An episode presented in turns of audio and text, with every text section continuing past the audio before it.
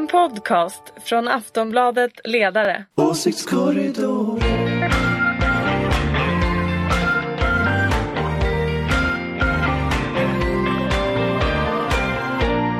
Välkomna till Åsiktskorridoren. Eh, Aftonbladet ledarsidas podd som idag spelas in en dag tidigare än vanligt. Det är bara onsdag. För det är någon slags he- helgvecka, eller det är det ju inte riktigt. Ingvar Persson, Så är det. ja. Jonna Sima Ja. och våran very special guest star Ulrika Schenström. Hej hej! Som till skillnad från de här två är moderat Absolut. Glittermoderat. dessutom. Oj, men- hoppla hoppla. Jag är lite besviken på vad är eh, den här dödskallen eller vad skelett, Skelettet. skeletterna i öronen? Vi har nu gått in i en positiv fas. November kommer bara vara positiv. Jag kommer bara se de positiva sakerna omkring mig. Döden är liksom inte i fokus längre. Du ligger inte fas Det har med oss varit andra halloween. döden Det har varit mode. halloween. Detta säger du samtidigt som vinden och snön piskar utanför åsiktskorridorsrummet. Ja men det är ju fantastiskt. Jag älskar ju snö. Det Ja, men- lyser ju upp och hur kan alla vara så här, åh november det är så hemskt. Och så helt plötsligt får vi snö och Men det ligger inte lyser kvar upp. precis. Och, nej det vet du väl inte? Jo, du ser det vet- negativ ansats. Enligt min eh, väderapp så skulle det vara is, iskornsregn idag. Jag ska Ja. åka till Värmland i helgen och då säger alla så här, hur kan ni ta bilen till. Värmland? Ja men vi får köra väldigt försiktigt, stanna ofta. Jag kan, jag kan, jag kan berätta liksom backarna vid Kristinehamn eller mellan Karlskoga och Kristinehamn. Där är det nog dags att se upp. Det kan vara stopp. Exakt. Ta, du har Bra. väl vinterdäck Stockholmsbrud? Jajamän! Ja, Man är ju gift med en lantis. Ah, skönt. Då ordnar sig allting. Det ska vara en lantis om någonting ska bli gjort. Ja ibland i alla Sa fall. jag att jag heter Fredrik Virtanen? Ja. Och jag är på Ulrikas sida så gott Ja. det går. Ja men tycker det tar sig Ja, faktiskt. Mm. Eh, och ska vi, ska vi börja? Peter Hultqvist, ska vi återgå till Peter Hultqvist? Jag Alltså menar, Björklund han gör är, Hulta-Bulta är roligare. Ja, han är rolig. Alltså Jan, kan, vi kan ta båda. Ja, men för, om Jan, vi, vi, har- vi, har- vi, vi, har- vi, vi, vi håller ett getöga på Jan Mm. Björklund Men vi fokar på Hultqvist Vad har han gjort då? Har han gjort något? Ska vi... Alltså det, det, jag, det jag vet om Peter Hultqvist det är att han eh, har varit hemma i Borlänge och kört Amazon. Eh, och Säpo är, väl. Säpo är väl som vanligt då bekymrad över det här Amazonåkandet. Men så är det. Så att, varför, varför gillar inte Säpo det? Kan de inte bevaka honom då? men vad, vad tror du det är för liksom, skalskydd på en Amazon? Ja, eller hur? Med, Aha. med lister av krom. Just det. Rattibakelit. California Vit. vit, Ja, nu, nu är du med. Nej, nu är du med. Jag känner mig fel generation här. Nej, nej det är inte det. Vi har, vi har sjungit den så många gånger. Nu var du taskig Jonna Jaså? Var Du är inte så ung längre inte- som du nej, tror nej. Försök, försök, försök. Som Orsin Cantwell brukar säga att jag är halvgammal eller något. Ja. Han är ju nästan helgammal nu för tiden Snart 60 Okej, eh, ja, han har kört Amazon, ska vi, nöja, ska vi nöja oss med det? Jag tycker det är kul att han gör Nej det men han har ju varit ute i NATO-frågan och Jo, jo. er kompis Anders Lindberg är naturligtvis överallt på Twitter om det här men det är ju för att ja det är ju försvar och det är utrikes och nu när han inte är här så kan vi ju ja, Vi kan skratta eh, lite skratta åt det. Det är hans stora glädjeämne i livet. Ulrika, det vet du väl? Ja, Nej, det är alltid lika skoj. tycker vi börjar med påven. Påven har ju varit med dunder och brak i Sverige. Vi kan snacka mycket om det. Eh, Men jag vill börja med att prata om hur Aktuellt och Rapport, de är delvis samma redaktioner igår, toppade så det skrek om det med skopet att det inte blir några kvinnliga präster inom katolska kyrkan. Fan vad är det för något? Det är väl klart att det inte blir. Det är väl inget att toppa med? Nej samtidigt som han ju faktiskt hade ett svar om ni såg hans svar där på flygplanet. Så för att vara katolska kyrkan så var det ju inte jättekategoriskt ändå. När hon skrattade Det här också är åt hennes skämt, hon var kapellin typ. Ja. Är du rädd för konkurrensen? frågade hon. Ja och då tyckte han att det var lite sådär. Fast är, är det inte, alltså det, det, nej, men det är klart att i ett med någon sorts katolsk utgångspunkt så blir det ju jättekonstigt att göra det till en stor nyhet för det är ju ingen överraskning. Eh, så, men, men å andra sidan i, i liksom en vecka nu så har ju påven framställts som Ja. eh, progressivitetens fa, eh, fanbärare på jorden, den sista trovärdiga politikern, den enda som kan rädda mänskligheten. Eh, Miljön, sto- jämlikheten. det stora samförståndet, rubb och stubb. Mm. Så det är klart att, att i en svensk kontext och med den bakgrund som, som Rapport och Aktuellt tittare hade igår Ja. så kan det väl tänkas att man faktiskt blir överraskad över att det visar sig att han, att han liksom låter som en gammal. Han låter nämligen inte som den gamla stammen ändå trots att han är 80. Alltså om man jämför alltså nej. jag vill bara Ja, ja. Nej, Men, men Ingvar har har kanske rätt i det men här. jag blev mest förvånad över det här svaret som han sa att jag har förstått att svenska kvinnor är väldigt starka och att eh, Många de män- svenska männen ofta söker kvinnor från andra länder. Ja det var, det var ett vasst. Det var ju riktigt vasst. Och jag tror att han skämtade mer där än och, och så måste alla bli indignerade och upprörda över det här nu. Ja, men det var ju stand-up comedy. Folk kan bli jätteupprörda över Han det skrattade såklart. till och med själv Ja. åt sig Jag, jag själv. förstår inte riktigt var han har fiskat upp det där någonstans. Vem har dragit det där på. skabrösa Med skämtet? tanke Han på att... att- han inte har så stor erfarenhet av kvinnor så, så är det ju ändå vågat. Ja, Ja, men han menar helt enkelt att den här jävla jämställdheten gör att männen inte står ut längre. de vill ha undergivna kvinnor. Det är, det är, så visst, hipsterpåven är inte hipster i, i, i just Ja, någon annan Eller så var det någon kommentar mot ärkebiskopen eller något sånt där. Oj, Men, men han... oj, nej det En underton. Nej, alltså nu vill jag Nu- återigen säga Jag ironiserade Aha. och skojade men vet du, alla gå igång här. Så. Det var ju den Skoja enda. på. Men jag vill veta eftersom vi har en expert på den förre påven, eller förrförra, Johannes Paulus den andre här inne i studion. Jag har Eh, träffat honom. ja precis. Har du? Mm. Ja. Hänger du inte med i Ulrikas Facebookflöde? Jo, Tydligen inte. nej inte alltid. Jag är sur. Mm. Men han ska i alla fall ha sagt att det aldrig kommer på kart på frågan att eh, kvinnor ska bli eh, präster i Och den det var ju honom som kyrkan. Franciscus hänvisade till också? Precis. Mm. Ja, Som, men att han, han, som att han ja, men, då, men då svarade han ju inte på frågan. Nej. Tänk på det. Skyller på en De död börjar man. bli som politiker även påvarna. De är politiker. Ja, han är Oj, du, eh, Ulrika visar nu en bild på påven och Är du med där eller? Är det du? C'est moi. Ah, På 80-talet va? ah 87. 87. 87 Blev du helad då? Nej, det, det, Jag syns det inte, jag är ju en glittrande ja, det. Heter det helad inom katolsk? Det gör det väl inte va? Jag vet inte vad det är. Healing eller något annat ja, men, Hedning. Okej, så det var helt rimlig nyhetsbedömning att efter att han blivit hypad av eh, alla en hel vecka så till sist ska vi ta ner honom på marken och visa att minsann, ni ska inte tro att han är modern på riktigt. Nej. Lite så. Ja. Ja, men, men, de var så nöjda med det här som att de skopade på ett skop om att det inte ska finnas kvinnliga präster i katolska kyrkan. Förlåt, jag tycker det är jätteroligt. Ja men det, det är väldigt roligt. Ja. Det säger, Väldigt- men, men det det där, man, säger, han kunde, de kunde ju ha tagit reda på någonting annat. ja, fast det säger väl egentligen mer om Sverige än om, om kanske nödvändigtvis just Ja. SVTs nyhetsredaktion tänker jag. En Kanske. annan rolig nyhet som kom, eller något roligt citat som kom som jag såg i mitt Twitterflöde. Det var ju den här italienske mannen i den här lilla byn utanför Lund. Som var katolik och hade fått frågan, är det inte fantastiskt det här med att påven kommer? Jo, men jag är en gammal man nu så att jag blir lite störd över min beg- begränsningarna i mina rutiner. Ja, det är fint. Man ser sig själv eh, närmast på Ja, exakt. Äntligen kommer han till den här lilla byn. Han är katolik och italienare. Nej, det är lite problematiskt. Ska vi gå vidare till eh, närbesläktad eh, ämne? Kristdemokraterna. Ebba Busch Thor och hennes eh, allt annat än succé med partiet. Eh, för nu är de återigen, alltså de är alltid nere på eh, långt under 4% spärren. Är det 2,8 nu igen i en ny undersökning? Ja, det är en sån här Ja. ja. Det är sammanvägning en sån här sammanvägd och Poll of polls, heter det så i Sverige också? Ja. såklart.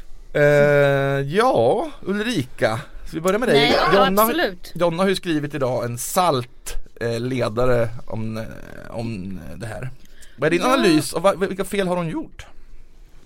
Jag tror att man inte kan byta strategier hela tiden. Man kan inte ena stunden vara eh, så här riktig batongkristdemokrat och sen i nästa stund värna familjen för att sen då är man helt fokuserad på opinionssiffror och jag är starkt emot Eh, att endast gå efter opinionen. Det är jätteviktigt för politiska partier för oss som kommenterar saker att följa opinionen men du måste ju göra det i en kombination med ekonomiska prognoser eh, och massa andra saker och göra en sammanvägd analys över alltihopa. De partier som går efter det här med att bara titta på hur det slår i opinionen eller gör en massa trackings som det då kallas för vad folk tycker om olika frågor. Jag tror att det kommer definitivt att gå dåligt. Därför att som politiker, nu är jag tillbaka i det, måste man vilja någonting förändra och förbättra och då måste man man måste vilja bli följd då. Allting handlar inte om opinion och ställa sig och, och med fingret i, i, i, luften. Och jag tror att de har hållit på lite för mycket och jamsat fram och tillbaka efter olika mätningar om jag ska vara Fast, fast är det inte, är inte, är inte den, jag tror jag sagt det förut i den här podden, men är inte det märkliga med Kristdemokraterna inte att det går dåligt nu utan att de faktiskt överlevde att, att Alf Svensson slutade.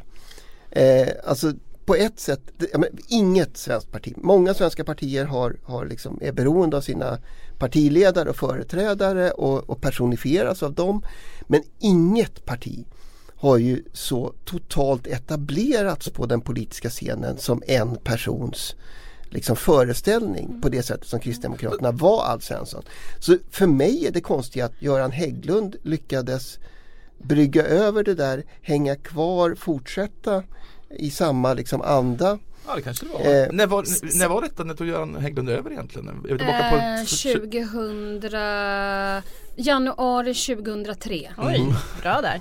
Ja. Nej men han blev ju också väldigt populär och, och eh, jag tror Ebba Busch Thor, alltså hon är ju skicklig i debatter och sådär får man ändå Jag vill be om ursäkt, i januari 04. Tack, jag undrade just faktiskt. Mm. Jag såg det. Ja. Nej men så de lyckas väl få fram skickliga ledare men det är väl som du säger att de vet inte riktigt vad partiet ska stå för. Att de famlar lite i, i blindo. Jag, alltså jag håller ju med om, om, om det också men, men är det inte så att Ebba Busch Thor ville stå för det hon började stå för? Alltså batong eh, kristdemokratin. Eh, det, det ville hon ju verkligen. Det var bara det att när det inte gav resultat och de har ju så små Problem, marginaler. och problemet var ju att Moderaterna gick högre ut Ja. istället. Och, och eh, allt det här är det här förbannade, ursäkta mig, eh, förhållandet till SD hela tiden. Tänk om bara folk kunde glömma. Bara, tänk inte på dem. Tyck saker ni tycker och våga stå upp för det. Istället, sen är det ju så att Kristdemokraterna i väldigt stor utsträckning har överlevt på grund av att Moderater har röstat in KD. Ja, ja. Det som händer då bara när de ligger så väldigt lågt, alltså i, framförallt i de tider då de kanske har legat på 3,8, 4,4, du vet sådär. Då är det många moderater som har gått och röstat in och får inte tappa bort 4 procent Ja. av borgerligheten. Men, när Men- man ligger så här lågt ner, Då då kan ju folk tycka att det är en bortkastad röst. Å andra sidan i förra valet så, så måste ju de moderater som, som funderade på taktikrösta haft flera alternativ. Alltså då var ju också Centerpartiet eh, nere i de här siffrorna vilket ju trasslar till det för en, en eh, dygdig eh, taktikröstare. Ja. Men hon har ju då kört så här, eh, ja hon vill bomba is med JAS-plan och allt vad det var och hon vill eh, hårdare straff, terrorister, allt det här liksom batongiga. Men en annan sak, och det var även hon som en dag fick för sig att det var en bra idé att skippa decemberöverenskommelsen. För då, kommer kom ni ihåg det? Det var en extremt laddad fråga. Alla gnällde över den där överenskommelsen hela tiden i eh, liksom ett debattvakuum. Eh, då gjorde hon det. Eh, och nu står vi här idag med ett land som inte kommer gå att regera igen. Den lilla detaljen, eh, vad säger ni om den? Men det var väl inte så konstigt att hon gick ut och, och tog den där. Jag menar, det Men var... rätt kortsiktigt tänker jag att det var. Nej, jag tror att det, det fanns otroligt många i borgerligheten som var fullkomligt upprörda över den här decemberöverenskommelsen. Eh, Jag tror hon gjorde det av rena, kanske Hon fick, ju Kanske hjälp, taktiska, drag taktiska också. drag. Mm. hon fick ju hjälp av stämman och, och Sara Skyttedal. Åh, Sara. Skyttedal fick ta den där ifall det inte skulle gå bra om jag ska vara ärlig. Men det är klart att de gjorde det tillsammans. Ja.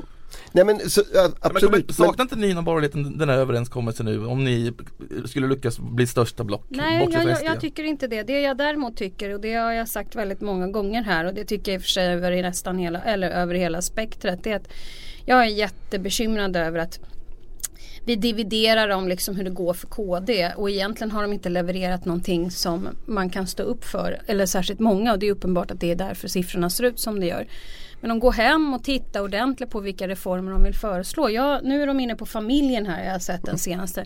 Ja men föreslå då familjereformer som kan göra och enk- förenkla och förbättra för den typen av Men grupp. de gör ju det. men Alltså då de, måste de ju göra, ja, men då måste de ju göra Ja, det men- på riktigt. Ja, jag ve- vet. Alltså, jag, man behöver inte hålla, hålla, eller vi håller nog inte med. Men eh, de föreslår ju till exempel att man ska kunna få ha sina barn hemma och få betalt. Eh, en slags utveckling av det här Mm, Men vad är kostnaderna för det och vad är det de ska dra ner Precis. på någon annanstans? Precis, då ska ju få seriösa förslag. 6 000 kronor per månad per barn som man har hemma istället för, på dagis. Samtidigt som man då är emot eller vill motarbeta eh, eller förändra eh, segregationen eller eh, och det är lite paradoxalt då, att man både vill låsa in barnen som det blev att, av det här vårdnadsbidraget. Såg man ju vilka effekter det blev. Det var Ja. mycket invandrarkvinnor som var hemma med barnen.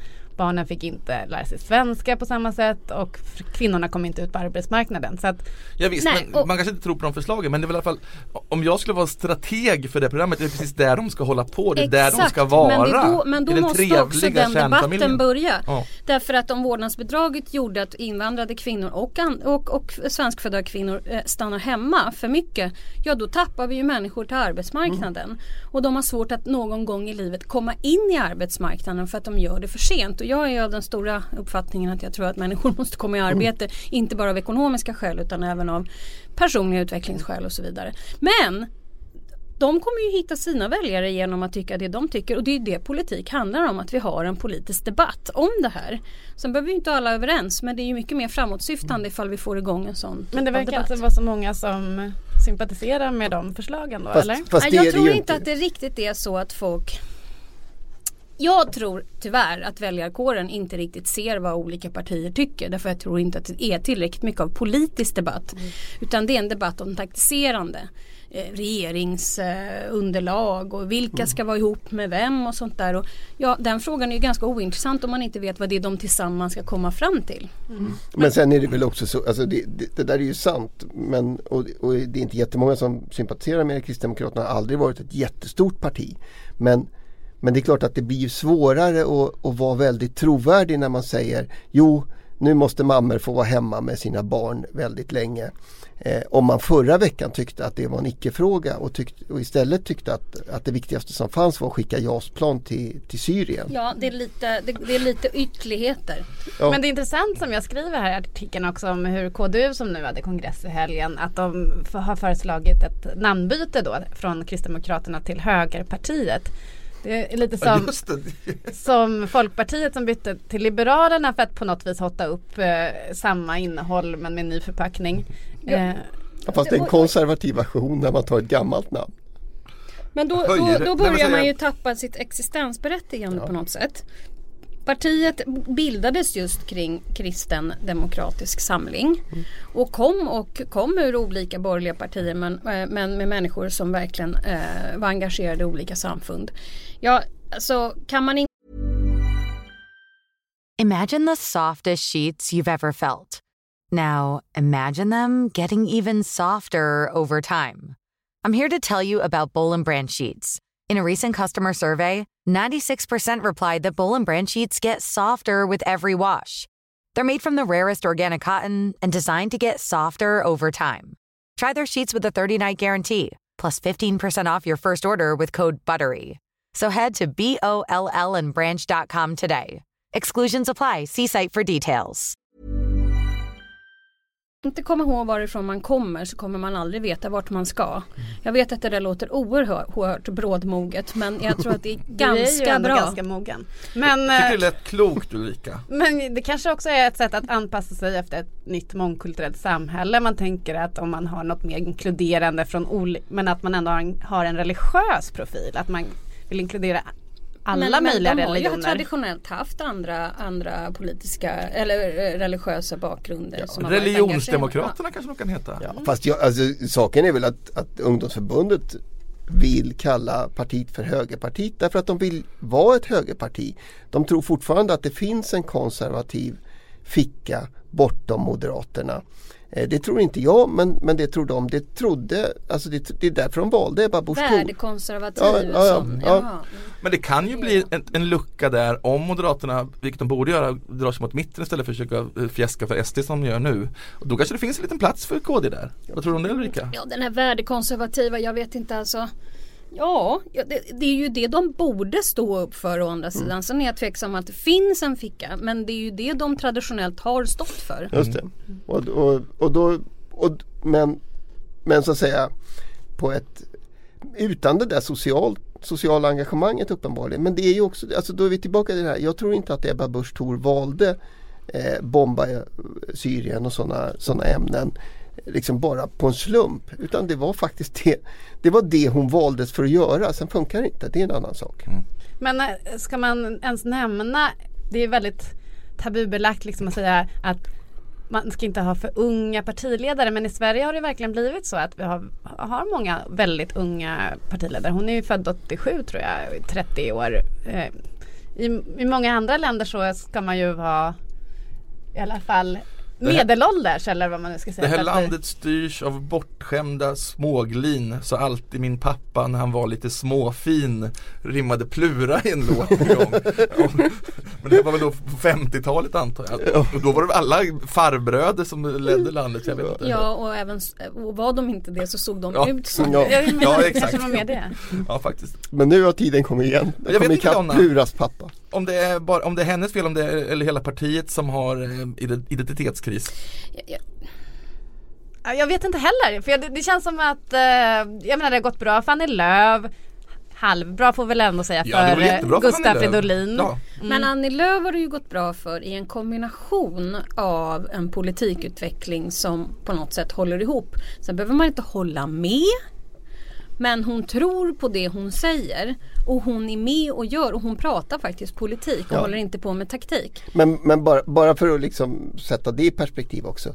Det gick ju inte jättebra för Annie Lööf till att börja just med. Mm. Av ungefär samma skäl. Nämligen att hennes gamla kompisar från ungdomsförbundet ville införa månggifte och en del annat som var svårt att svälja för, för centerpartister på landet. Som var Fria Moderata Studentförbundets programförklaring från 1990-talet. Ja. Absolut och jag tyckte det var oerhört roligt. De hade bara glömt bort det här med Ja, legalisering av narkotika. Ja men det tog de inte annars hade det varit allt som nej. som unga nyliberaler alltid säger. Duellrätten var borta också. Mycket. Duellrätten. Ja, Nej, och då fick ju faktiskt Annie Lööf åka hem från semester på, i Thailand för att, för att Exakt. städa upp det där. Men det, är ju, men det är ju därför jag liksom Hon skulle ju klara sig if, bättre ifall hon höll på med en riktig politikutveckling och pratade Mm. just det här och inte hattade fram och tillbaka. Vilket jag tror beror på att man tittar för mycket och hetsar upp sig för mycket över opinionssiffror. Och, Men hon har ju också samma problem som Stefan Löfven hade eh, före 2014. Han, satt ju inte heller i regeringen, nej regeringen, riksdagen. Det gör ju inte Ebba Busch heller. just det, det gör måste vara inte. en belastning Det är ändå. Ja det är det väl säkert. Hon kan inte ta riksdagsdebatterna och Men som sagt om hon fortsätter prata om eh, barnfamiljer och psykisk ohälsa och sånt Ja då kanske de kan kravla sig sakta upp eller vad tror ni? Möjligen. Möjligen det är ja. två år kvar. Men det blir ju Nej spännande. det är inte två år Nej, kvar. inte. Vi är i november nu. Det är inte två Ett hela år. år Jag skulle säga att det är ett och ett halvt år kvar. Asså. Så i praktiken för att nu är vi inne i december och Ett och ett halvt år kvar och bollen är rund ska vi säga. absolut. Jag tror de säger så i sporten fortfarande eller kanske inte gör det, kanske en fördom jag har eh, Vi får fråga. Ja Ja men vi tar, usch Det här är, det här är ju svåra och, eh, tragiska saker eh, Våldet i Göteborg I söndags sköt en 25-åring i Angered eh, Och i måndags sköts två bröder eh, i Frölunda var det där, du kan Göteborg Västra. Tynnered. Tynnered, ja. Ja, mördaren försvann på moped. Det är ju mycket den här typen av kriminalitet där. Och vad ha, hur ska, nu, nu ska vi lösa det här. Hur ska vi, vad ska vi göra åt det här? Är det hårdare tag återigen? Eller ska vi bygga fritidsgårdar? Men jag, jag tycker att man börjar i fel ände. Jag, jag tror att många av de här problemen handlar om en, en brist på bra och genomförbar integration som jag tror har varit eh, borta från den politiska agendan under decennier faktiskt. Eh, vilket gör att då inser ni att jag pekar på alla bakåt och inte bara någon så. Men jag tror att bristen på integration har lett till att människor som sagt inte har kommit till arbete och dessutom, jag menar du och jag Fredrik, vi vet inte vad vi skulle göra om vi inte hade ett jobb och sen helt plötsligt hamnade någon annanstans och så. Nej fy fan. Nej men jag, jag tror faktiskt att det här det handlar om och sen så hävdar alla att det här är polisens fel. Det är inte polisen som håller på med integrationsinsatser. Eh, sen så borde ju polisen göra en massa med saker, absolut. Men vi kan inte, det, problemen har inte skapats av polisen. Problemen har skapats av att de är utan, utan, u- utanvarande integrationsinsatser. Vi på högerflanken här och jag och Ulrika kallar det för integrationsproblem. Ni kallar vi det för, för klassproblem antar jag. Det, det skulle vi verkligen kunna göra, alltså, eller klyftor i samhället. Eller, Mm, men- så, så, men vi, i det här fallet så kanske vi menar Jag tycker bara att man måste hålla två tankar i huvudet samtidigt. Minst. De, ja, ja verkligen. Nej men, nej, men det, de, som, de som nu eh, liksom eh, kräver någon slags filippinsk lösning eh, på det här. Eh, sätt in nationalgardet och, och, och skjut av eh, alla man ser. De är förstås tokfel ute. Eh, I grunden så, så måste ju allt det här jobbet som har gjorts och mycket jobb som inte har gjorts för att skapa, för att minska klyftorna, för att skapa arbete för att få samhället att läka ihop. Det måste fortsätta utvecklas och göras. Allt det där är ju, är ju alldeles sant. Men sen är det ju klart att i den konkreta situationen när, när det har begåtts eh, våldsbrott, när det finns beväpnade unga män på gatorna, där det finns vapen i omlopp, när det finns gäng, identifierade personer som man känner till som, som liksom befinner sig i en parallell verklighet där det är, är, är helt naturligt att göra upp sånt här med, med våld. Då, då, ska, då ska folk lagföras, sätt, liksom dömas, sättas i fängelse. Sätt, eh, narkotikahandeln ska, ska eh, liksom bestraffas. Allt det där. Det är ju konkreta åtgärder. Absolut. Det måste, och man måste ha båda de där tankarna. Jag tror också det handlar om någon slags eh, Jag vet inte folkbildning men att man måste informera kanske redan från skolan hur, hur ändå väl till exempel vittnesskyddet är utbyggt i, i Sverige för att ett problem är att många inte vågar vittna eh, så att man inte löser de här brotten så att som du säger att, att man kan lagföra de här personerna. Eh, och, och, och att man måste bygga ändå någon slags förtroende med eh, polisen och ordningsmakten på något sätt, alltså från ett tidigt stadium. Alltså i Stockholm har det ju varit eh, en diskussion nu att man skulle sätta en lokal, upprätta en lo- lokal polisstation i Rinkeby och så har det blivit uppskjutet i två år och skapar en väldigt liksom också oro i området där de säger att vi blev lovade det här och nu skiter ni i oss. Alltså det är ju det, man får ju också, det är en viktig signal till, till, till områdena att, att man inte skiter i Ja, dem. men sådana enkla, ni, ni, är ni är ju så kloka som vanligt. Men apro- apropå just det här att sätta upp fler polisstationer. Det borde väl rimligtvis inte kunna vara provocerande eller någonting utan bara en rimlig och lämplig start i alla fall. Absolut. Varför händer inte det? Är det pengar återigen? Ja, ofta är det ju pengar och budget och så vidare. Men det här kommer ju, jag, jag känner ju igen det här. Det här är ju lite Frankrike snart. Alltså som det såg ut i Paris framförallt för, för tio år sedan och brände bilar och sånt där. Men framförallt så måste vi ju inse att vi måste ju ha gemensamma regler för hur saker och ting ser ut. Om du börjar hålla på med sånt här Ingvar så skulle du åka dit direkt. Om du gick omkring med en pistol här på jobbet, eller hur? Jag hoppas det. Ja, Eh, jag hoppas det också. Ja, vi är skyddade av grundlagen va, vi inom Jo, jo, pressen. jo, fine. Så, Men, jag förstår vad du menar. ja. Nej jag skojar, vi får inte bära vapen. Nej. nej men, nej, men, Bara- nej. Bara på älgjakt. Ja, ja på älgjakt går det bra. Men, nej, men nej, nej alltså jag, jag, jag bara tycker, på något, jag, jag tänkte på det igår också i rapporteringen där man då liksom ska hitta vem är ansvarig för att det här har hänt. Och var, det polisen eller är det politikerna eller vem är det liksom? Ja, men det är en sådär. kombination. Ja men och till slut är den som håller i vapnet ansvarig. Ja, alltså absolut. det får man heller inte tappa bort. Eh, alltså den som håller i, i ett vapen, den som skaffar ett vapen letar upp den man är arg på, eh, eh, siktar och avfyrar. Eh, gör något som, som man inte får göra, som inte får förekomma. Ingen annan är ansvarig för just den handlingen. Nej, Och sen är det här långsiktiga arbetet som gör att, att ungdomar inte bara ska känna att den enda framtid som de kan erbjuda sig är att antingen slå igenom som fotbollsstjärnor, artister eller kanske bli kriminell. Alltså, utan man måste känna att det finns en eh, framtidshopp. Men Ja, det är ju ett det. jättelångsiktigt Absolut. arbete. Och den ligger ju både i samhället och i en själv att ansvara för. Du borde ju ansvara för dig själv lika mycket som samhället. Men jag tror att informationsinsatser här är inte helt fel. Alltså att skolan tar sitt ansvar och förklarar vad som är rätt och fel. Bara, bara där i början. Och också förklara att, att hur man kan gå tillväga för att verkligen komma i arbete och utvecklas som människa. Vi avslutar med, eh, för nästa vecka när ni lyssnar på Åsiktskorridoren, då kommer vi fått en ny president i USA. Woho, nu blir det skräck, Ja, skräcktema här i, i. Alla helgons. Ja, jag, jag förutsätter att i alla fall alla, bortsett från Ingvar, håller på Hillary Clinton här inne. Jag tror inte det finns någon som inte håller på Nej, Hillary Clinton. nej. Jag, var- jag, hade en, alltså jag hade en soft spot för Sarah Palin, det ska jag erkänna. Men, men Donald helt Trump omöjligt. är Och helt dessutom omöjlig. erkänner det. Ja, stort! eh, Men- Bisarrt Ja.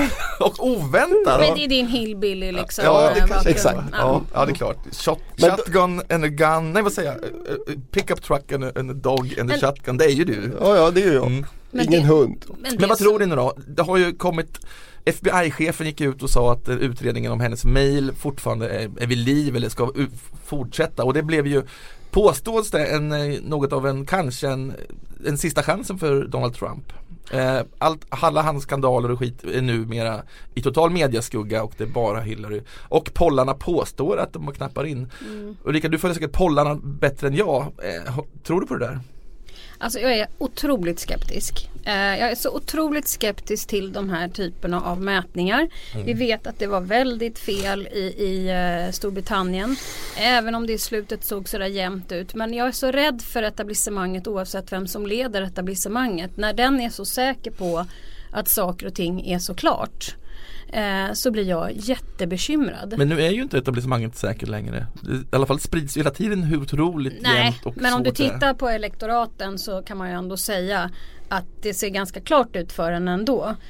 Ehm, även om man säger att mätningarna, men det är inte mätningar, det handlar ju om Mm. Allting räknas ju på ett annat sätt och det finns de som är experter på detta bättre än jag. Men det handlar faktiskt inte om att vinna bara, det handlar om att vinna på rätt ställen. Vi har väl också konstaterat tidigare här i podden att eh, 2016 är åh fan året. Alltså när eh, saker blir värre än vad man någonsin hade kunnat föreställa sig. Alltså med Brexit som du nämnde. eh, Som Colombia. ett exempel. Ja, Colombia. Ja, det finns väl säkert fler men nu kommer jag inte på några på rak arm. Men, men det känns ju som Ja, till och med Margot Wallström i, i DN i, idag säger ju också att de Ja, de skissar ju på scenariet om Trump tar Det över. kändes visserligen ganska tryggt tycker jag. Ja. Att man inte är sådär pompöst självklar och sen har bara glömt alla andra scenarier. Mm. Ja, men Trump ska ta Ohio, han ska ta North Carolina, han ska ta Florida eller åtminstone två av dem. Och han är på väg att ta Florida. Så. Ja, Florida kanske. Eh, Men om Hillary tar en av dem så är det ganska säkert. Är Men detta grundas fortfarande på då Mm. de undersökningar Ja, ja. som vi har sett och det är därför jag blir så otroligt bekymrad för att Nej, jag, jag känner obehag. Svårt Du- obehag. vi- Det, jag, du vill bara alltså, safea. Det är så, nej, det är sånt obehag så att jag började bevaka franska valet april-maj och tyska valet 17. Alltså, för att bara så här, hur illa är det? Ja, Ja. Men franska valet blir också en rysare nästa år. jag vet. Ja. Nej men det är ju och det, det är så höga. Ja, Nej, En, lyssnar i hel, taget. jag hade en hel depressionskväll här i förrgår. Nej men det är ju det är så höga insatser. Det är ju det som, som gör det här så obehagligt. Det skulle varit obehagligt vad det än gällde men Ja. det, är, det är ju på något sätt faktiskt eh, fullständigt omskakande att vi ens sitter och pratar om risken. Jag kan inte sluta och fantisera om vad som hade hänt om Bernie Sanders fått nomineringen alltså. Det har varit en helt annan kampanj nu. Han hade då givetvis utmålats som kommunist, eller han hade ju varit stalinist vid det här laget. Han hade, det hade ju varit en sån extrem spin mot hans vänster. Men, men i övrigt, jag vet inte hur, hur han kanske hade klarat det. För han är ju inte lika avskydd som Hillary är. Det hade inte varit lika polariserande då. De här vita kränkta männen kunde ändå hacka i sig en, en Bernie Sanders. Liksom. Eh, ja, ska vi bara, vad tror ni, hade det varit bättre? Det här är ju Alltså det är ju otroligt svårt. Det här är fråga. 320 miljoner invånare. Det här är det bästa de kan komma upp med. Det är ju helt bisarrt Det är typ bara faktiskt. 50 Men- miljoner av dem som orkar rösta dock. Det, det, det är ju också en Ja det säger ju en del. jag säger, hur, alienationen mellan ja.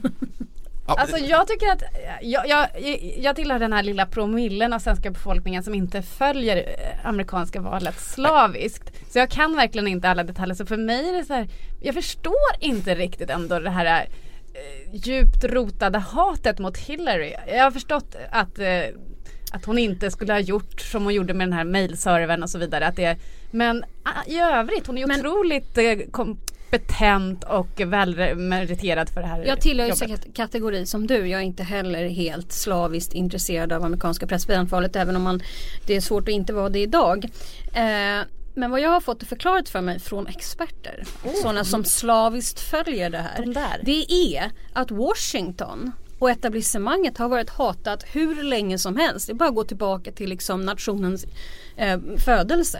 Vilket gör att det är ett otroligt polariserat land. Det är Washington, det är vissa delar av västkusten, det är New York och sen har du liksom resten av folket. Japp, Och så sen får är vi inte glömma bort aspekten att hon faktiskt är en kvinna. Man, Det Mm. är elit, absolut kvinnohatet i- ihop med etablissemanget. Hon har ju bägge de här två och sakerna. att hon krossar glastaket Ja. överhuvudtaget genom att vara en presidentkandidat. Är inte Exakt. hundra på det men kanske. Eh, men visst, the elites in Washington har det talats om sen, ja, Ja, jag fick en liten föreläsning från, för mig eh, bakåt 1700-tal liksom att det alltid varit dårarna som... Minns mina famous last words nu i alla fall. Hillary kommer vinna med en landslide. Okej. Jag vågar inte sätta emot. Nähä. Ingvar? Jag vill inte sätta emot. Jag hoppas att du har rätt. Ja, tack. Tack. Varsågod. Det är du som är USA-experten. Ja det är ju det. Eh, Ulrika Schenström, tack för att du kom. Tack! Jonna Sima, tack för att du kom. Trevligt. Ingvar Persson, tack för att du kom. Tackar. Och jag heter Fredrik Virtanen. Ha nu en trevlig helg allihopa. Allhelgonahelg Ja, och och med. glöm inte att gå och tända ljus på Cornelis grav. Det gör jag varje år. Och kör försiktigt ni Ja, som just ska ut det. i trafiken. Ja, och du ska ut i trafiken. Ja. Mm. Kör försiktigt nu. Eller din Yes. man. Ja, För Det är, väl, han- det är väl absolut. han som kör bilen. Självklart vi moderater. Ja. Hej då! Ja. Åsiktskorridoren